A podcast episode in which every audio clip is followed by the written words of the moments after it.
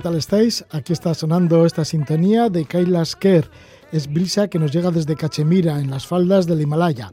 Bienvenidos a la Casa de la Palabra. Esta es una nueva edición y esta vez vamos a recuperar dos entrevistas. Una de ellas nos lleva muy lejos, a los siglos XVII y XVIII, y es que vamos a estar con la historiadora donostiarra Charo Roquero Usía. Es la autora de Historia de las Mujeres en Euskal Herria. Se adentra en la vida de las mujeres durante los siglos XVII y XVIII, ofreciéndonos una panorámica de su día a día, de su vida cotidiana. Y luego estaremos con una mujer actual, además muy aventurera, es Mamen Echaniz. Ella es de Azpetia, montañera y esquiadora. Tanto en la Casa de la Palabra como en el programa Levando Anclas nos ha contado sus grandes aventuras en bicicleta, a veces también como montañera y senderista. Hoy vamos a recordar la primera entrevista que le hice. Fue a cuenta de la Ruta 66 en bicicleta. Anteriormente, Mamen hizo una travesía de tres meses por el Tíbet y Nepal caminando y en bicicleta. Luego ideó irse a Estados Unidos para desarrollar la legendaria Ruta 66 de Chicago a Santa Mónica en bicicleta y en solitario. Además lo hizo cuando estaba ya prejubilada, o sea que tenías muchas ganas de conocer mundo y de conocer Estados Unidos y ahí se fue en la bicicleta. Tuvo tantas vivencias en los 35 días de recorrido, de darle al pedal, hicimos dos capítulos. Ahora nos va a presentar la narración de la salida de Chicago hasta que muchos kilómetros después se le unió Jane, una abuela de Vernon, que también iba en bicicleta. Esta es una entrevista que le realizamos allá por el 11 de marzo de 2018. Pero antes vamos a escuchar a Charo Roquerusía con su libro Historia de las mujeres en Euskal Herria.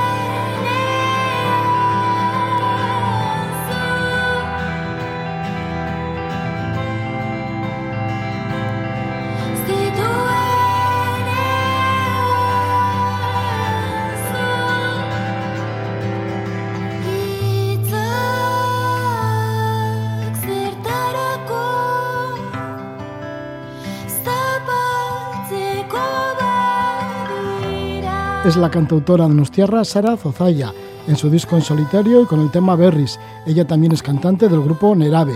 Aquí se acompaña del chelista Ichaso Navarro. Vamos a hablar de un libro que lleva el título de Historia de las Mujeres en Euskal Herria. La autora es Charo Roquero Usía. Charo, que es licenciada en Historia Moderna, también en Ciencias Políticas y Sociología. Tiene gran vocación en la investigación histórica, es asidua colaboradora del Boletín de Estudios Históricos Donostierra. Es autora de libros como Historia de la prostitución en Euskal Herria y más recientemente ha publicado este de Historia de las mujeres en Euskal Herria. Se basa principalmente en los siglos XVII y XVIII, época en la que la moral se cebaba en la mujer e influía en las aspiraciones, valores, juicios y comportamientos de la misma. Charo Roquerusía se centra en la descripción de las costumbres, la mentalidad y el efecto que todo ello tenía en la vida de las mujeres. Vamos a conocer cómo era esta vida de las mujeres a través de Charo Roquerusía. Bienvenida, muy buenas noches. Gabón, Charo. Gabón. Sí, sí. Bueno, ¿cómo eran los valores más tradicionales femeninos por aquel entonces, por esos siglos XVII y XVIII? Incluso recoges también algunos siglos anteriores, que supongo que es porque, porque todo viene dado, ¿no? Sí.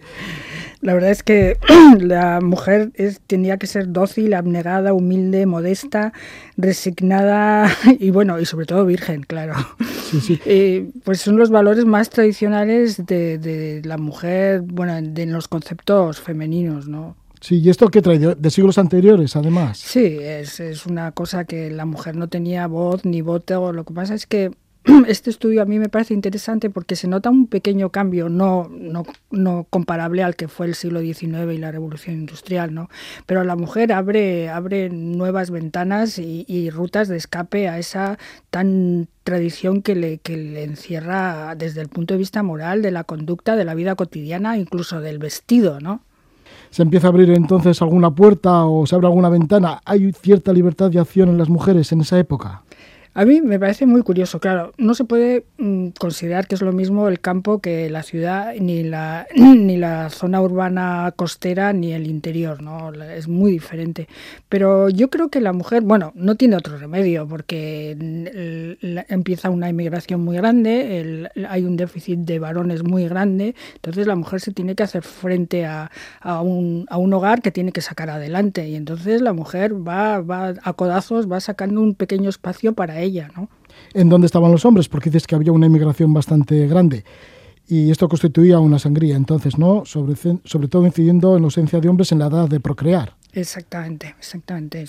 En la, en la zona costera, desde luego, las, campana, las campañas de pesca la, a Terranova o incluso ya acabando la, la pesca de la ballena, ¿no? Pero se, comienza mucho, mucho la inmigración a ultramar sobre todo a la compañía guipuzcoana de Caracas o toda, toda América. ¿no? Entonces el hombre que no ve aquí una salida, que no tiene el caserío él directamente en una familia numerosa, la salida es claramente a ultramar. Así que hay un fuerte grado de soltería en Guipúzcoa. Sí, de soltería y luego muchas que, que, de viudez incluso, ¿no?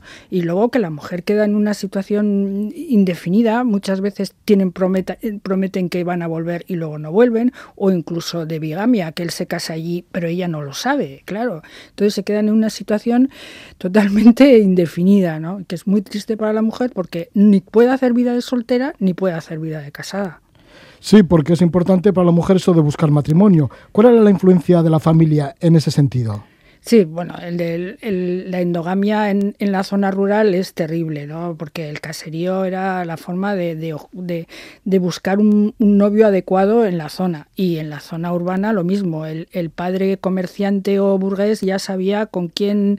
Era una forma de alianza económica. Era un, una forma de, buscar una mejora en la familia. No, era, no contaban para nada los sentimientos de ella, por supuesto. Así que era importante también, ocupaba el lugar principal, la dote. Sí, la dote para todos. Si era una mujer sin dote, eran dos cosas importantes, que fuera virgen y que tuviera dote. Entonces, la dote, incluso para ir monja, necesitaban dote. Y eso es una de las cosas que a mí me han, llamado la atención en los pleitos. Se ve como ellas, como saben que sin dote no pueden casarse, exigen, por ejemplo, la promesa de matrimonio. Y entonces el a cambio de la promesa de matrimonio solían exigir relaciones sexuales. Entonces ella pierde la virginidad. Pero ella nunca había tenido intención de casarse con él. Entonces le lleva a juicio y le, le, dan una compensación por la virginidad perdida. Y entonces ella inmediatamente se vuelve una mujer con dote que puede acceder al mercado matrimonial. Lo cual es toda una estrategia. Sí, porque el valor de la virginidad es como, como el supremo tesoro femenino. Claro, y, y, tenía un valor, pero, pero además evaluado. O sea, tú tenías una dote y con eso tenías derecho, bueno, tenías posibilidades de casarse casarte con alguien de tu misma esfera, diríamos. O sea, que si tú perdías la virginidad, habías perdido tu dote que estaba valorada en función de la oportunidad que hubieras perdido en el mercado matrimonial, ¿no? ¿Dependías del padre y luego del marido? Sí, totalmente. Es, es una cosa, y, y, no de eso, eso, sino de la comunidad, de la murmuración, del párroco que se subía al púlpito y decía con nombres y apellidos lo que alguien se había ido por ahí de juerga, pues es una, una, una situación muy, muy, muy cerrada. ¿Cuál era esa mirada de la comunidad sobre las mujeres y su influencia? Las murmuraciones y demás. Sí, es un condicionamiento informal terrible. O sea, es que sobre todo en los pleitos se ve que es curiosísimo porque no solamente hace un pleito por una causa concreta, sino que salen las testigos, que se, generalmente suelen ser las vecinas, y cuentan, no, porque entonces yo estaba haciendo no sé qué, y a mí ya me parecía que ella son una es que se pasaban el día en la ventana, como quien dice, ¿no?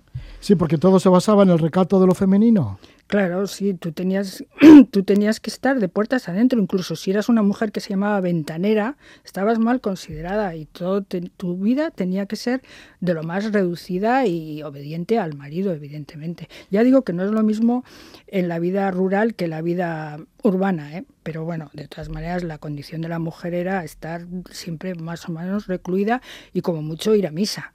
Bueno, y el otro papel de la mujer eran los ritos funerarios, o sea, si, si toda la cuestión de los muertos de estaban enterrados en las iglesias y entonces, bueno, llevaba la risayola, llevaba pues las diversas eh, ofrendas, pero lo demás era una vida muy... Incluso en las danzas y en las romerías estaban tremendamente vigilados por toda la moral eh, católica y cristiana del párroco, se sentaba en mitad de la romería vigilar la, la honestidad en las danzas.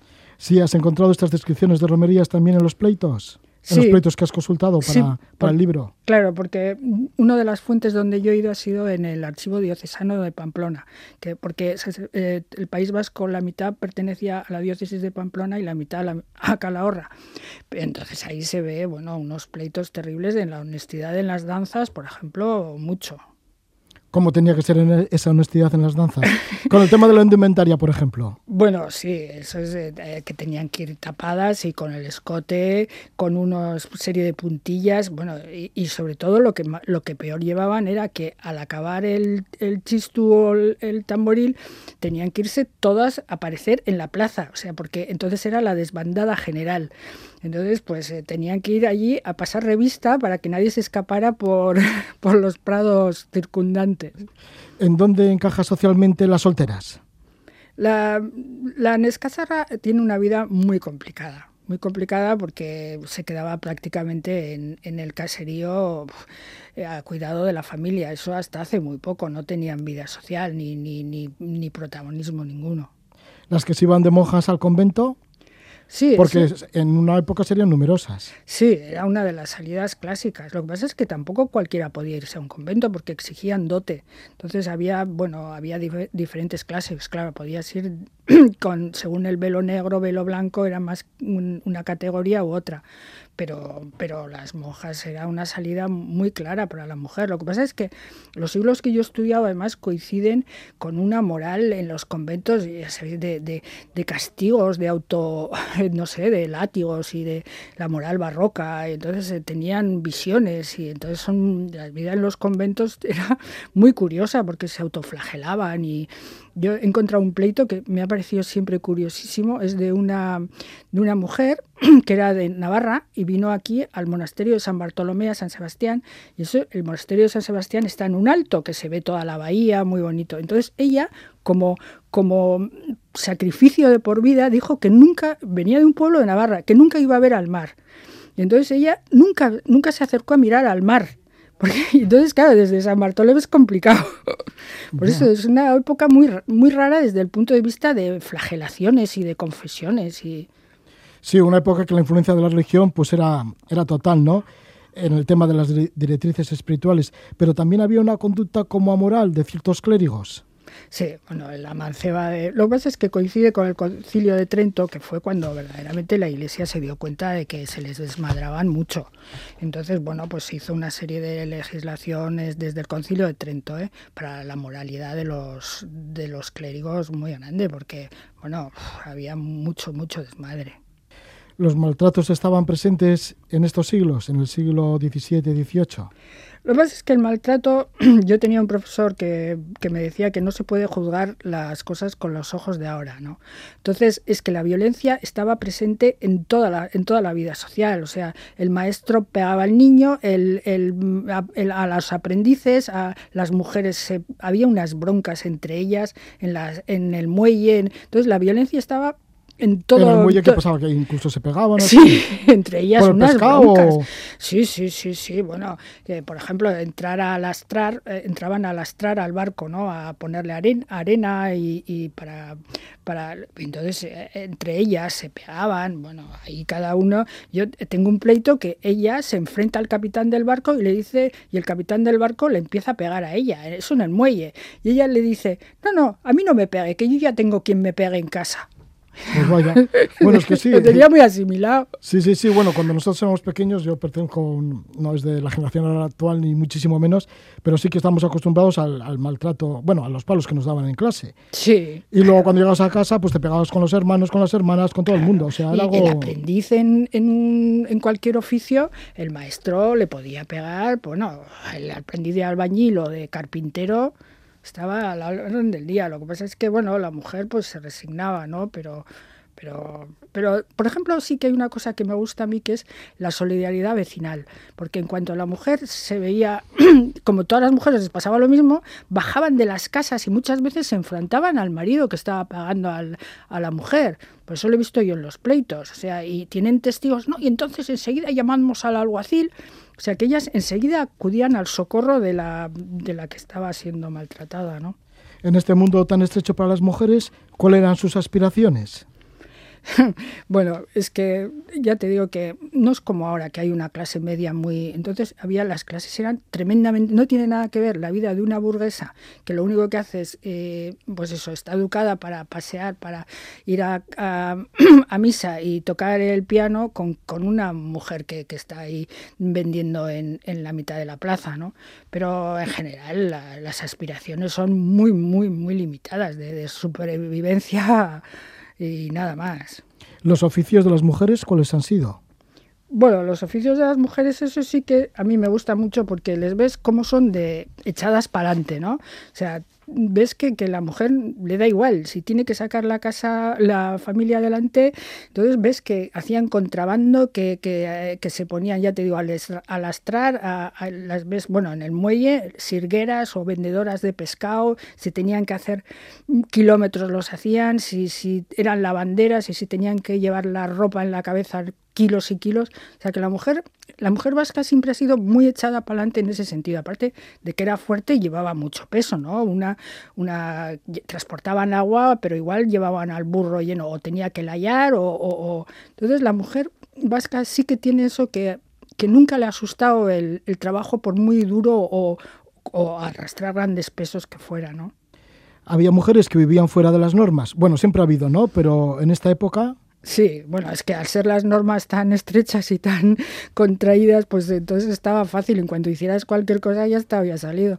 Pero sí, claro, por supuesto, había las posaderas, tenían que, por sobre todo si estabas en una villa militar, ¿no? Una fortificación o, con un interés estratégico, ¿no? Entonces tenían que luchar contra soldados, contra, contra lo que fuera, si tenías una posada o una taberna, ¿no? O, o- o, bueno, y la prostitución ya no te digo, ¿no? Porque, bueno, si había mm, soldados que pues siempre hay prostitución en pasajes o lo que fuera, ¿no? Entonces hay, hay gente que sí, claro que se salía de la norma. ¿Cómo era la prostitución en Euskal Herria? Porque también tienes solo un libro dedicado a ello. Sí, bueno, la prostitución en Euskal Digo, en Herria- diferencia con otros lugares. Sí, lo- yo creo que la mayor diferencia es que lo que hablamos, ¿no? Al estar tan, los pueblos son tan, tan pequeños y tan religiosos que nunca era ostensible, o sea, no se ve. Eh, no había lo que le llaman en, Castilla la puta cantonera, ¿no? No, no existe, eso en, en- el País Vasco no existe, siempre era pues a través de una alcahueta que sabía que en un piso, o sea, es, mucho más, no es ostensible, ¿no? Entonces siempre es como muy, muy oculta, muy... Pero claro que había, porque al ser... Bueno, en primer lugar porque había mucho comercio, ¿no? Con Navarra, Navarra con Álava y luego con Castilla, ¿no? Y luego, por supuesto, todo, todas las villas costeras. Y... no estaban bien visibles en la calle entonces. No, eso es lo que más, lo que más, eh, eso y que luego enseguida las ponían en, en, la puerta, o sea, te las llevaban al, al confín del municipio y de ahí de pueblo en pueblo llevado por el alguacil de cada pueblo hasta lo que se llamaba la, la, galera. La galera era una prisión de mujeres equivalente a las galeras que les mandaban a los hombres. Entonces las prisiones de las galeras, que aquí había en Pamplona, había en Valladolid, en todo el país, pues ahí es donde se les, se les, como si dijéramos, se les arrinconaba, ¿no? Entonces era como una prisión de, de mujeres con virtud liviana o ligeras. Has nombrado también a las contrabandistas. ¿Cuál era el trabajo de estas contrabandistas? ¿Por dónde se movían? Claro, el, el, aquí al ser tan zona de Francia, pues sobre todo que aquí había siempre hemos sido unas con mucha imitación de las modas francesas y tanto en Vizcaya como en Guipúzcoa les encantaba todas las porcelanas, pero no solamente objetos decorativos, sino que había mucho contrabando pues de tabaco, de, de cacao, de bueno, de bacalao, Está también el tema de las curanderas, porque siempre han sido como mal vistas. Sí, las curanderas. Curanderas o brujas, ¿no? Sí, siempre rayando, rayando el, la, la, frontera de que si son brujas y son mal vistas por el, la Inquisición ¿no? Eh, o, o, si son curanderas simplemente, pero sí, eran una sospechosas, siempre eran sospechosas, igual que las parteras, ¿no? Las parteras pues eh, ayudaban al parto, pero, pero a los cirujanos eh, no les gustaban. Pero claro, si tú estás en un pueblo, pues la partera era importantísima pero siempre estuvieron siempre dentro de la duda, ¿no? Además, si daban hierbas abortistas, eh, para siempre estaban un poco en la en la en la marginal, en la margen. En tu trabajo, en el largo trabajo que aparece en este libro, Historia de las mujeres en Euskal Herria, de Charo Roquero Usía, estamos con ella. Bueno, que es un trabajo extensísimo sobre el, tema, con un montón de, dibujos recogidos, bueno, de cuadros, bueno, todo ello como muy bien preparado, así a color. Em, en este extenso trabajo también una vez que te has introducido en ello, en el tema de la mujer en el siglo XVII y XVIII, ¿da pie a que puedas entender también el sentimiento de estas mujeres? Sí, yo creo que cualquier mujer, bueno, o cualquier persona puede entender el sentimiento ese de que estás encerrado en unas normas muy estrechas que te vigila tanto el resto del vecindario como el párroco y que sin embargo tú tienes una ansia de, de libertad, sobre todo si eres joven y luego si no eres joven tienes una familia a tu cargo, dices, o sea, es que me da igual, yo tengo que sacar la familia adelante, me digan lo que me digan, ¿no? Y lo ves, lo ves, lo ves dentro de un ambiente de, de violencia y de, de de, salvar, de que hay que sacar la vida adelante, ¿no? Bueno, pues mujeres que ahí estuvieron peleando dentro de ese mundo tan estrecho ¿no? y tan recatado que, se le imponía. Ese es el resumen, exactamente. Sí. Pues muchísimas gracias por estar con nosotros, Charo Roquero Usía, historiadora, que también eres socióloga, autora de este libro, La historia de las mujeres en Euskal Herria, que lo edita Chalaparta. Que vaya todo muy bien. Charo.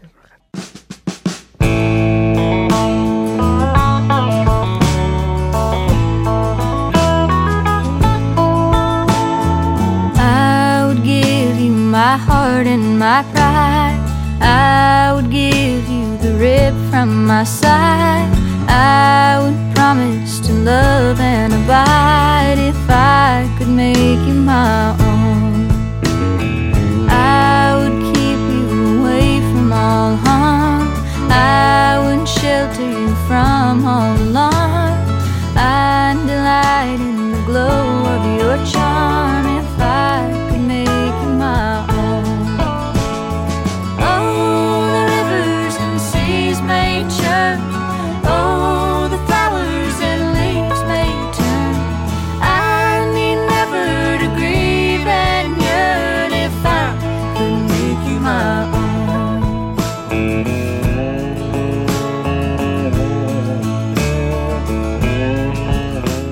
cantante norteamericana Dory Friedman. Nos vamos hacia la Ruta 66, la legendaria Ruta 66, tan conocida. Y ahí se ha ido Mamen Echani, nuestra invitada. Ella es de Azpeitia y decidió, después de prejubilarse, al poco de prejubilarse, irse a hacer esta ruta en bicicleta y en solitario. Le damos la bienvenida a Mamen Echaniz. Gabón, Mamen. Caixo, Gabón, Roge. Caixo, y lo has hecho en 35 días, esto de ir de Chicago, porque saliste el 27 de septiembre Sí. de 2017 y llegaste a Santa Mónica el 1 de noviembre de ese mismo año, De todos los santos, sí. El Día de Todos los Santos, y total, que fueron 3.450 kilómetros en esos 35 días. Sí. Voy a seguir cantando como la canción que me has puesto. Ay, ay, ay, ay, seguro que te recuerda mucho la Ruta 66. Jo, por eso mismo es que ya te he dicho, o sea, parece que voy con la bici ahí pedaleando. Y esto de Yuju, me voy para California, que lo decías mucho. Como en el oeste, ¡ah, ya voy! Como el Lucky Lucky. Sí, que te sale del alma igual eso, ¿no? Total, es que o, o te desfogas en la bici se acabó, si no para adentro y eso es malo. Oye, mami, ¿y tenías costumbre de ir en bicicleta, de hacer largos viajes? Porque, por ejemplo, Sí. sé que has estado caminando por el Tíbet y Nepal, también en bicicleta y demás. Sí, En siempre. Estados Unidos también habías estado antes, ¿no? Sí, en Estados Unidos había estado dos veces anteriores y la primera fui a esquiar. Lo mío es el, el manto blanco. Sí, sí. Bueno, y el. Pirineo también, ¿no? Exacto, sí, Sí. mucho, sí. Pero y en bici toda mi vida, toda la vida. He andado hace, prr, ya son años, eh, pues la primera fuimos a, Noruega eh, en bici, luego en Pirineos, eh, hace años, esa fui con gente. Pero luego ya, pues bueno, te vas haciendo mayor y la gente se casan, hijos, todos desaparecen y tú sigues en tu ritmo y dices, ah, pues yo sigo pedaleando. Y, Y- es lo que he hecho, Y, y más a- pedalear. y más aún cuando te has prejubilado. Bueno, pues eh, ahí ya le he dado el pistoletazo de salida y ahí, aquí ando. Sí, ¿qué pasa? Que te encontrabas como muy libre y decías, bueno, ahora sí que tengo que hacer algún, algún viaje bonito. Sí, largo. hace en todos los viajes siempre me ocurría que salía para dos, tres semanas y me quedaba con las ganas. Y cuando he ido a Montes Altos, pues ha sido un sin vivir, porque la altura lo único que te pide es aclimatación. Y quería hacer la ruta de la amistad en el Tíbet y dije, pues si no voy para tres meses, que es lo que te da el visado, pues no lo hago. Y, y cogí una excedencia de seis meses, entonces tres meses estuve en Himalaya y tres en Jaca, pues esquiando. Sí, esto fue hace siete años, ¿no? Antes de Eso es, sí, sí. Y ahí te das cuenta lo que es realmente un viaje que, que merece. Un viaje, un viaje que lo puedes hacer, pero de otra manera. Disfrutarlo, tu cabeza está más relajada, no te presionas tanto con el debo, debo, tengo que llegar, tengo que llegar. Entonces lo controlas mejor, todas tus ansiedades, vamos a decir. Sí, allí hiciste en bicicleta la ruta de la amistad, que fue ir desde Lhasa, la capital del Tíbet, Eso a es. Katmandú, la capital de Nepal. Sí. Y luego te animaste y te fuiste andando al campo base del Everest. Exacto, sí, sí, eran las, los días de fiesta de Katmandú, era una locura, eh, no había sitio en los autobuses y conseguí, conseguí un billete allí, pues gente en el techo, gente dentro, animales, allí había de todo en el autobús y yo. Y antes de salir el autobús se metió una chica rubia y dije, buf, menos mal, un occidental. Y nada, nos, ella también quería ir andando, pero era la tercera vez que iba y quería hacerlo por su cuenta porque las dos veces pues, anteriores no había conseguido llegar a Calapatar, que, es, que está un poco más arriba que el campo base. Y yo le dije, "Ah, pues yo voy andando, no sé hasta dónde voy a llegar, eh, sin rumbo, pero bueno, siempre y cuando vas hacia el campo base del Everest. Ahora en la ruta 66 esto es distinto, ¿no? ¿Por qué has elegido la ruta nada que ver. 66? Sí. Y luego, ¿cómo te has orientado también? Sí. Por allí. Digo, ¿cómo has ido preparando la ruta 66 en bicicleta? Porque mucha gente lo hace en moto, en coche y demás. Sí. Pero en bici. Sí, sí. Bueno, eh, después de haber hecho esa ruta, pues eh, me apetecía otra vez hacer una ruta, pero que, que no estuviera con, tanto tráfico en la carretera. Quiero decir, no como en Tíbet de tráfico, porque allí los únicos tráfico que hay son los camiones chinos. Pero me llamaba mucho la atención que era una vía que ya no se usaba y era una forma de atravesar Estados Unidos. Y bueno, estuve viendo unos programas en la televisión, luego leía unos libros, eh, vi unas revistas, eh, busqué un poco de información en internet y, vi que había mucha gente que, que iba en primavera, básicamente, pues porque en verano hay mucho miedo con los tornados cuando vas por Texas y todo esto. Y también vi a mi amigo Alfredo, que le conozco a través de internet todavía, un saludo para él, eh, cómo hizo la Ruta 66 con su amigo en handbike. Y nada, que ya estuvieron aquí por, en el programa. También, también. Por eso, también, contigo por también. eso me han enganchado Sí. a mí ahora contigo. Sí. Y entonces eh, dije, pues venga, a, a ver, voy a ver qué, qué encuentro. Y ahí contacté con un, ¿cómo es? un club de, de bici- de ciclismo americano. eh, en el cual pues ellos te ofrecen, te venden todos los tracks para el GPS más los mapas de todos los estados, los seis mapas que necesitas para hacer toda la ruta. Entonces dije, pues a ver, venga, pues ahí empecé a pedir cosas y me mandaron, me mandaron enseguida y luego vi el track también y entonces con otro compañero que trabaja conmigo en la cooperativa en Vergara, informáticos, ya sabes, porque al final pues, tantas mezclas de información. Y nada, puse el GPS en marcha para eso tengo que decir que antes de, de hacer esto en Jul, no, en agosto me fui por Landas y el Loira y todo esto, pues a probar todo un poco el material y básicamente un poco el GPS, porque no, no lo había utilizado. Y nada, a la carretera. Allá que te vas, Allá era, que todo, voy. era todo conveniente y dijiste, bueno, pues ahí me voy. Ahí y me entonces llegaste a Chicago el 27 de septiembre. No, 20 24 llegué realmente Ah, a Chicago. 24. Entonces. Sí, porque primero estuviste andando en bicicleta por la misma ciudad. Exacto, sí, sí, sí. Eh, quería empezar a, a testear un poco, vamos a decir, eh, cómo se bebía un poco la bici pues, por, pues, por Estados Unidos, porque no tenía ninguna referencia. Y fue una grata sorpresa que la ciudad de Chicago pues, te permite andar en muchísimos sitios con bici. La gente practica muchísimo bicicleta, tienen un lago inmenso y los coches te respetaban, pero, pero, pero increíble, increíble, una gozada. Así que en dos días recorriste la ciudad de Chicago de norte a sur. De norte a sur, pero no todo el sur, porque el sur verdadero luego lo conocí al tercer día cuando ya salí de, de Chicago. Sí, porque iniciaste la ruta 66 justamente en el punto que está indicado. Exacto, hay un letrero, Begin the Road 66, allí está. Y nada, todos allí sacándose la foto y yo también, la bici pues, sin alforjas y claro, a uno que le...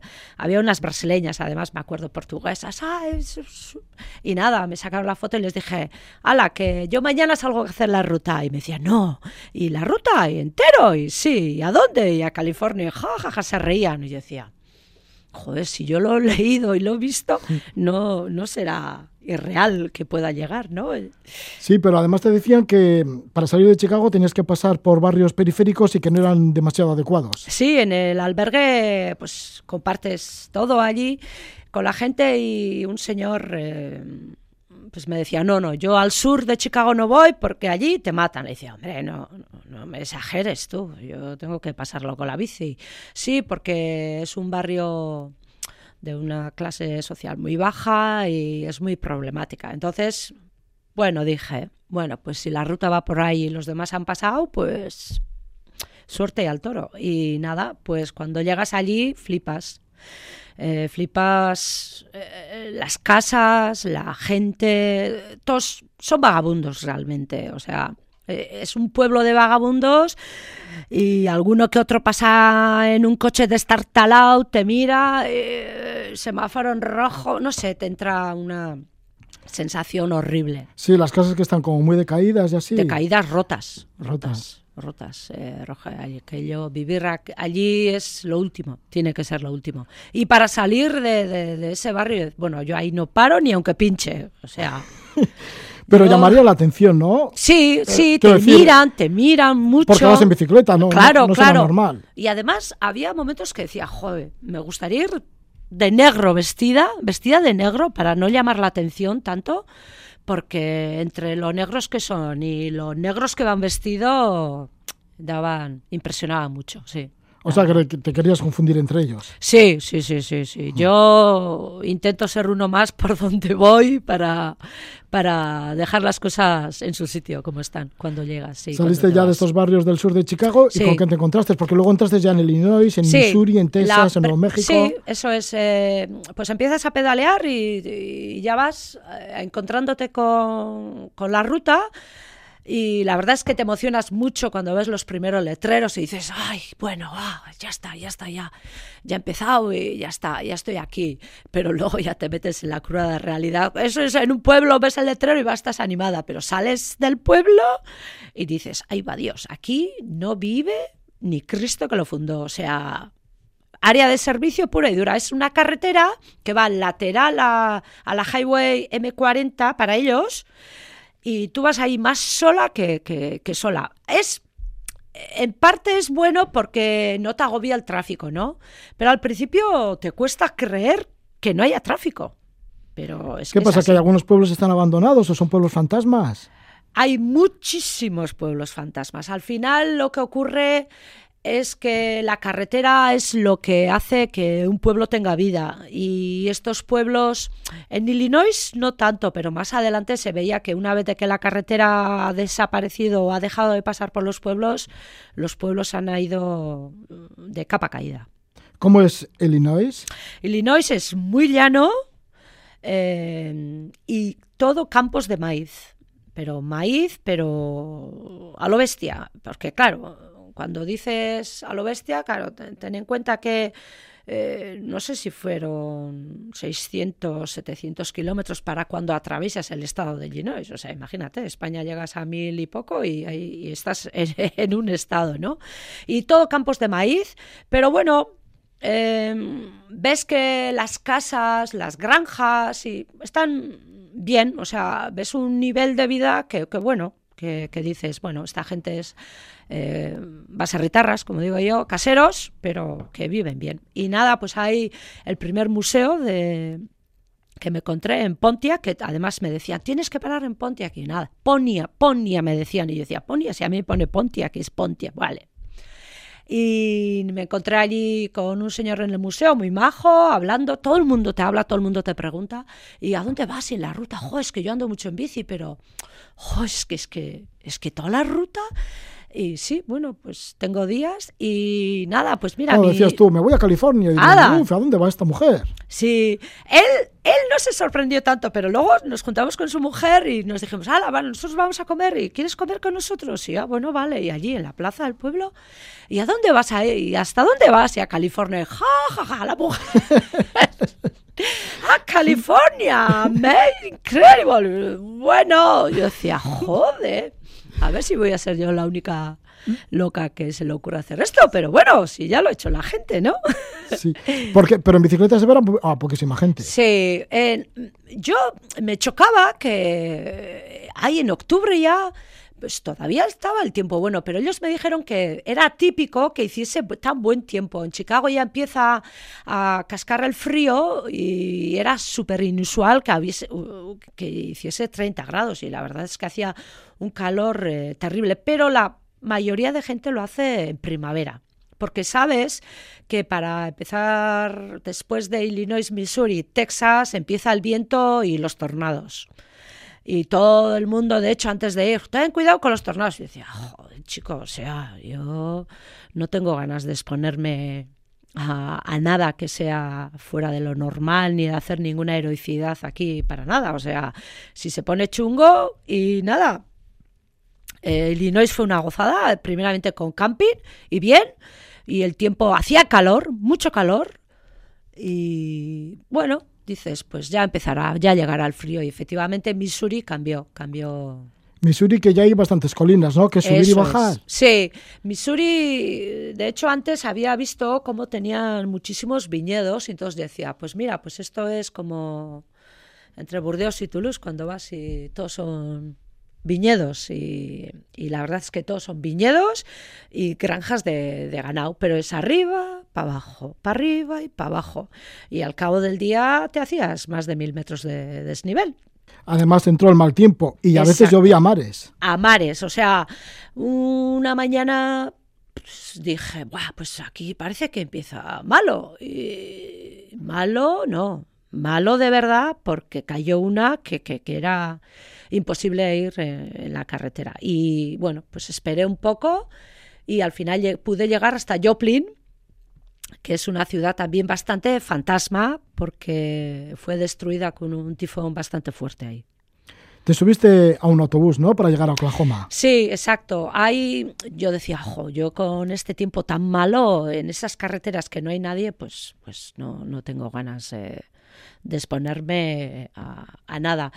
Y dije, bueno, pues, pues voy a coger un autobús. Y la verdad es que eh, una aventura el autobús, porque muy poca, una línea de autobús hay que atraviesa y pocos, pocos horarios de autobuses y me decía, sí, pero con la bicicleta no vas a poder. Y bueno, pues me busqué la vida para encontrar cartón para embalar la bici y al final una oficina de UPS compré...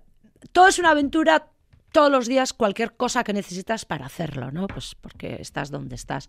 Pero bueno, con una jarreada inmensa a las 8, 9 de la noche llegó el autobús, claro, todavía hay luz, medio luz, oscureciendo y nada, hasta Oklahoma que me fui en el autobús.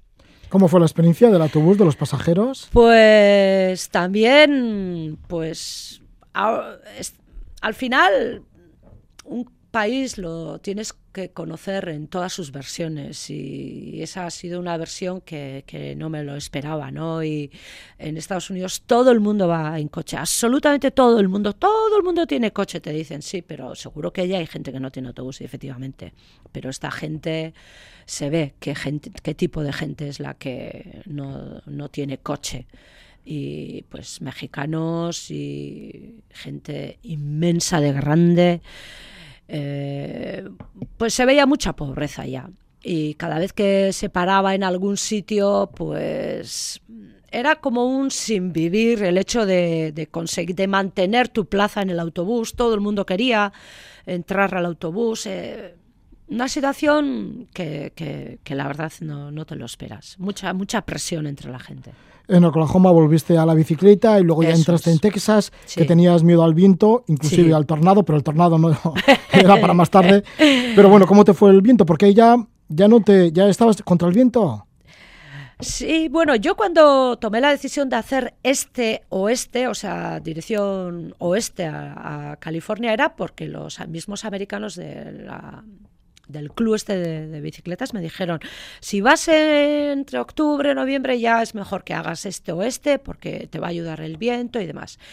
Y la verdad es que fue una sorpresa porque salir de Oklahoma y empezó ya un poco, un poco de viento y decía, bueno, bueno, bueno, va, es, es- es llevadero, pero va.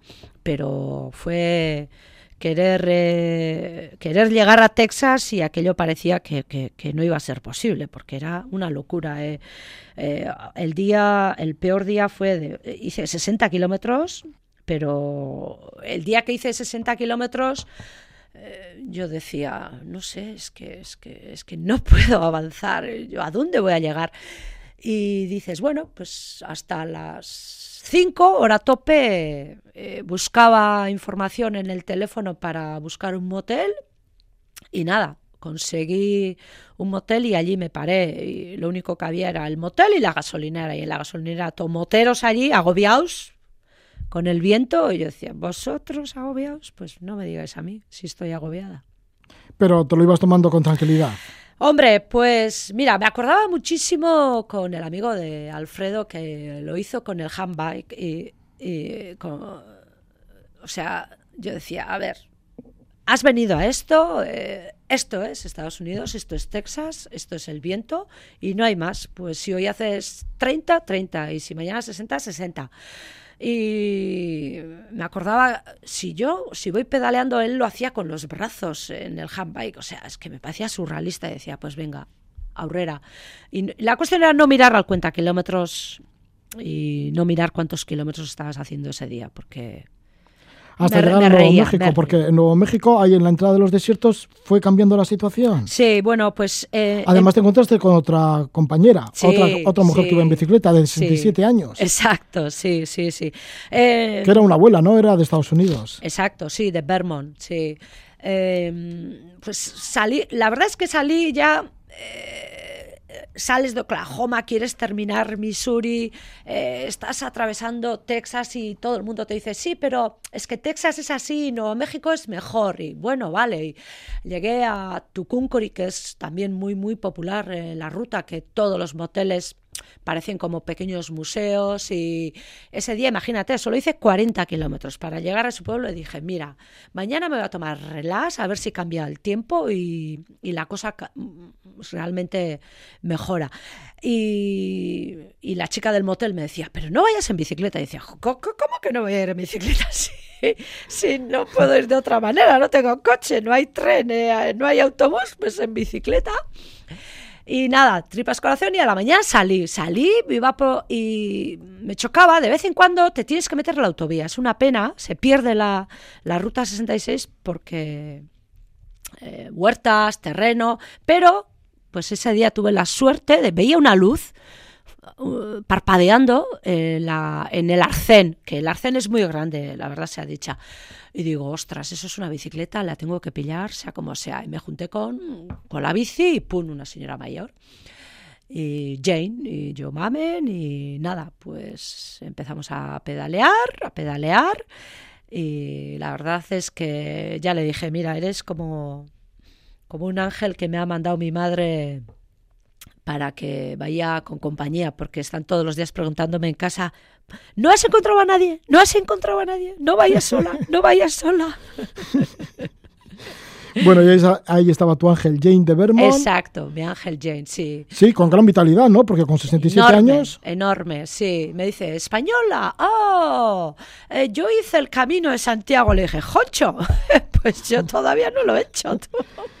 Su marido es peruano, entonces, bueno, tenía unas pocas palabras en español, muy pocas, pero sí, eh, yo le dije, bueno, pues, pues ya está. Y entonces, mi pregunta, lo más importante era saber hacia dónde iba.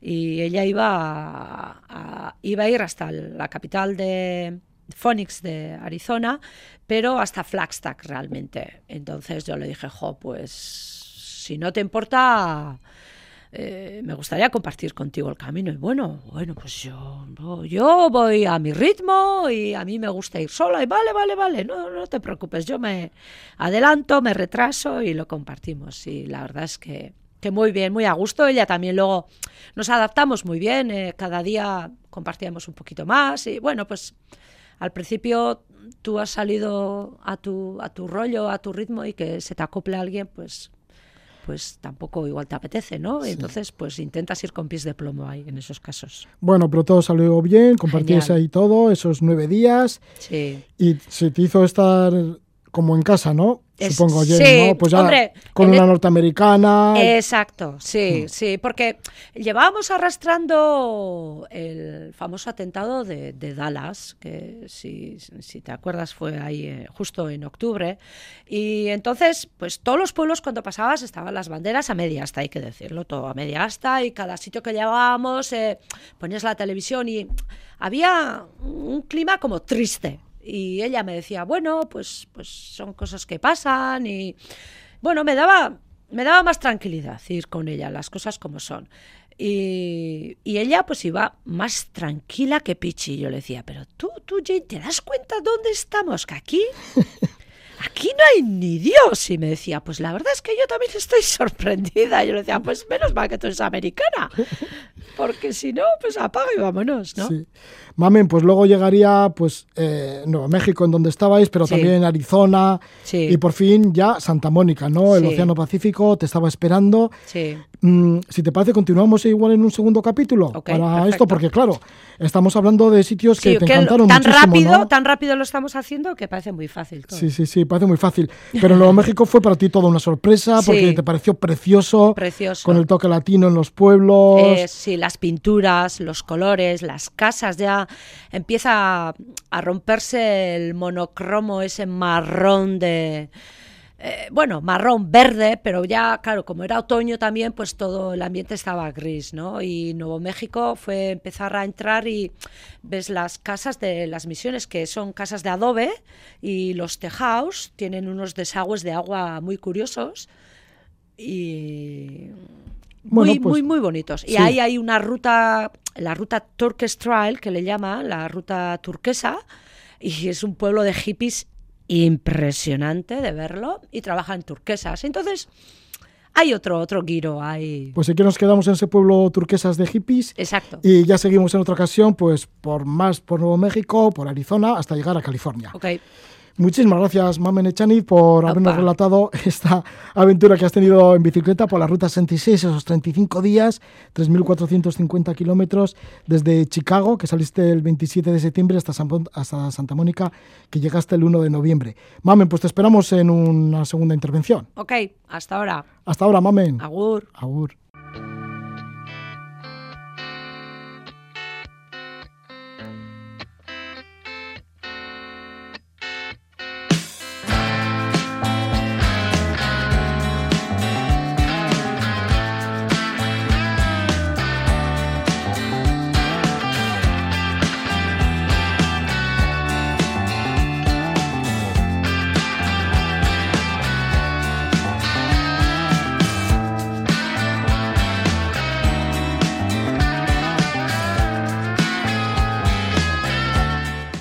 De Chicago a Santa Mónica en bicicleta por la legendaria Ruta 66.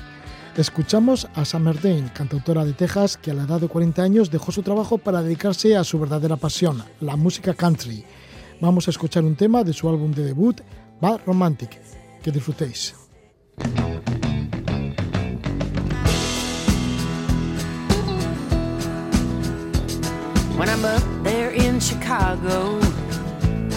Where the Southland's on my mind. That I'm dreaming down in Texas, with those northern lights. See, I run this highway up and down to the tune of an old church hymn. Can you hear me knocking? Cause I'm letting myself in. Hey, can you hear me knocking? Nashville, Tennessee. Can you hear me knocking? New York City. Why don't you just leave your front porch light on? Cause I'll be there before too long. Can you hear me knocking? Cause I'm letting myself in. Hey, can you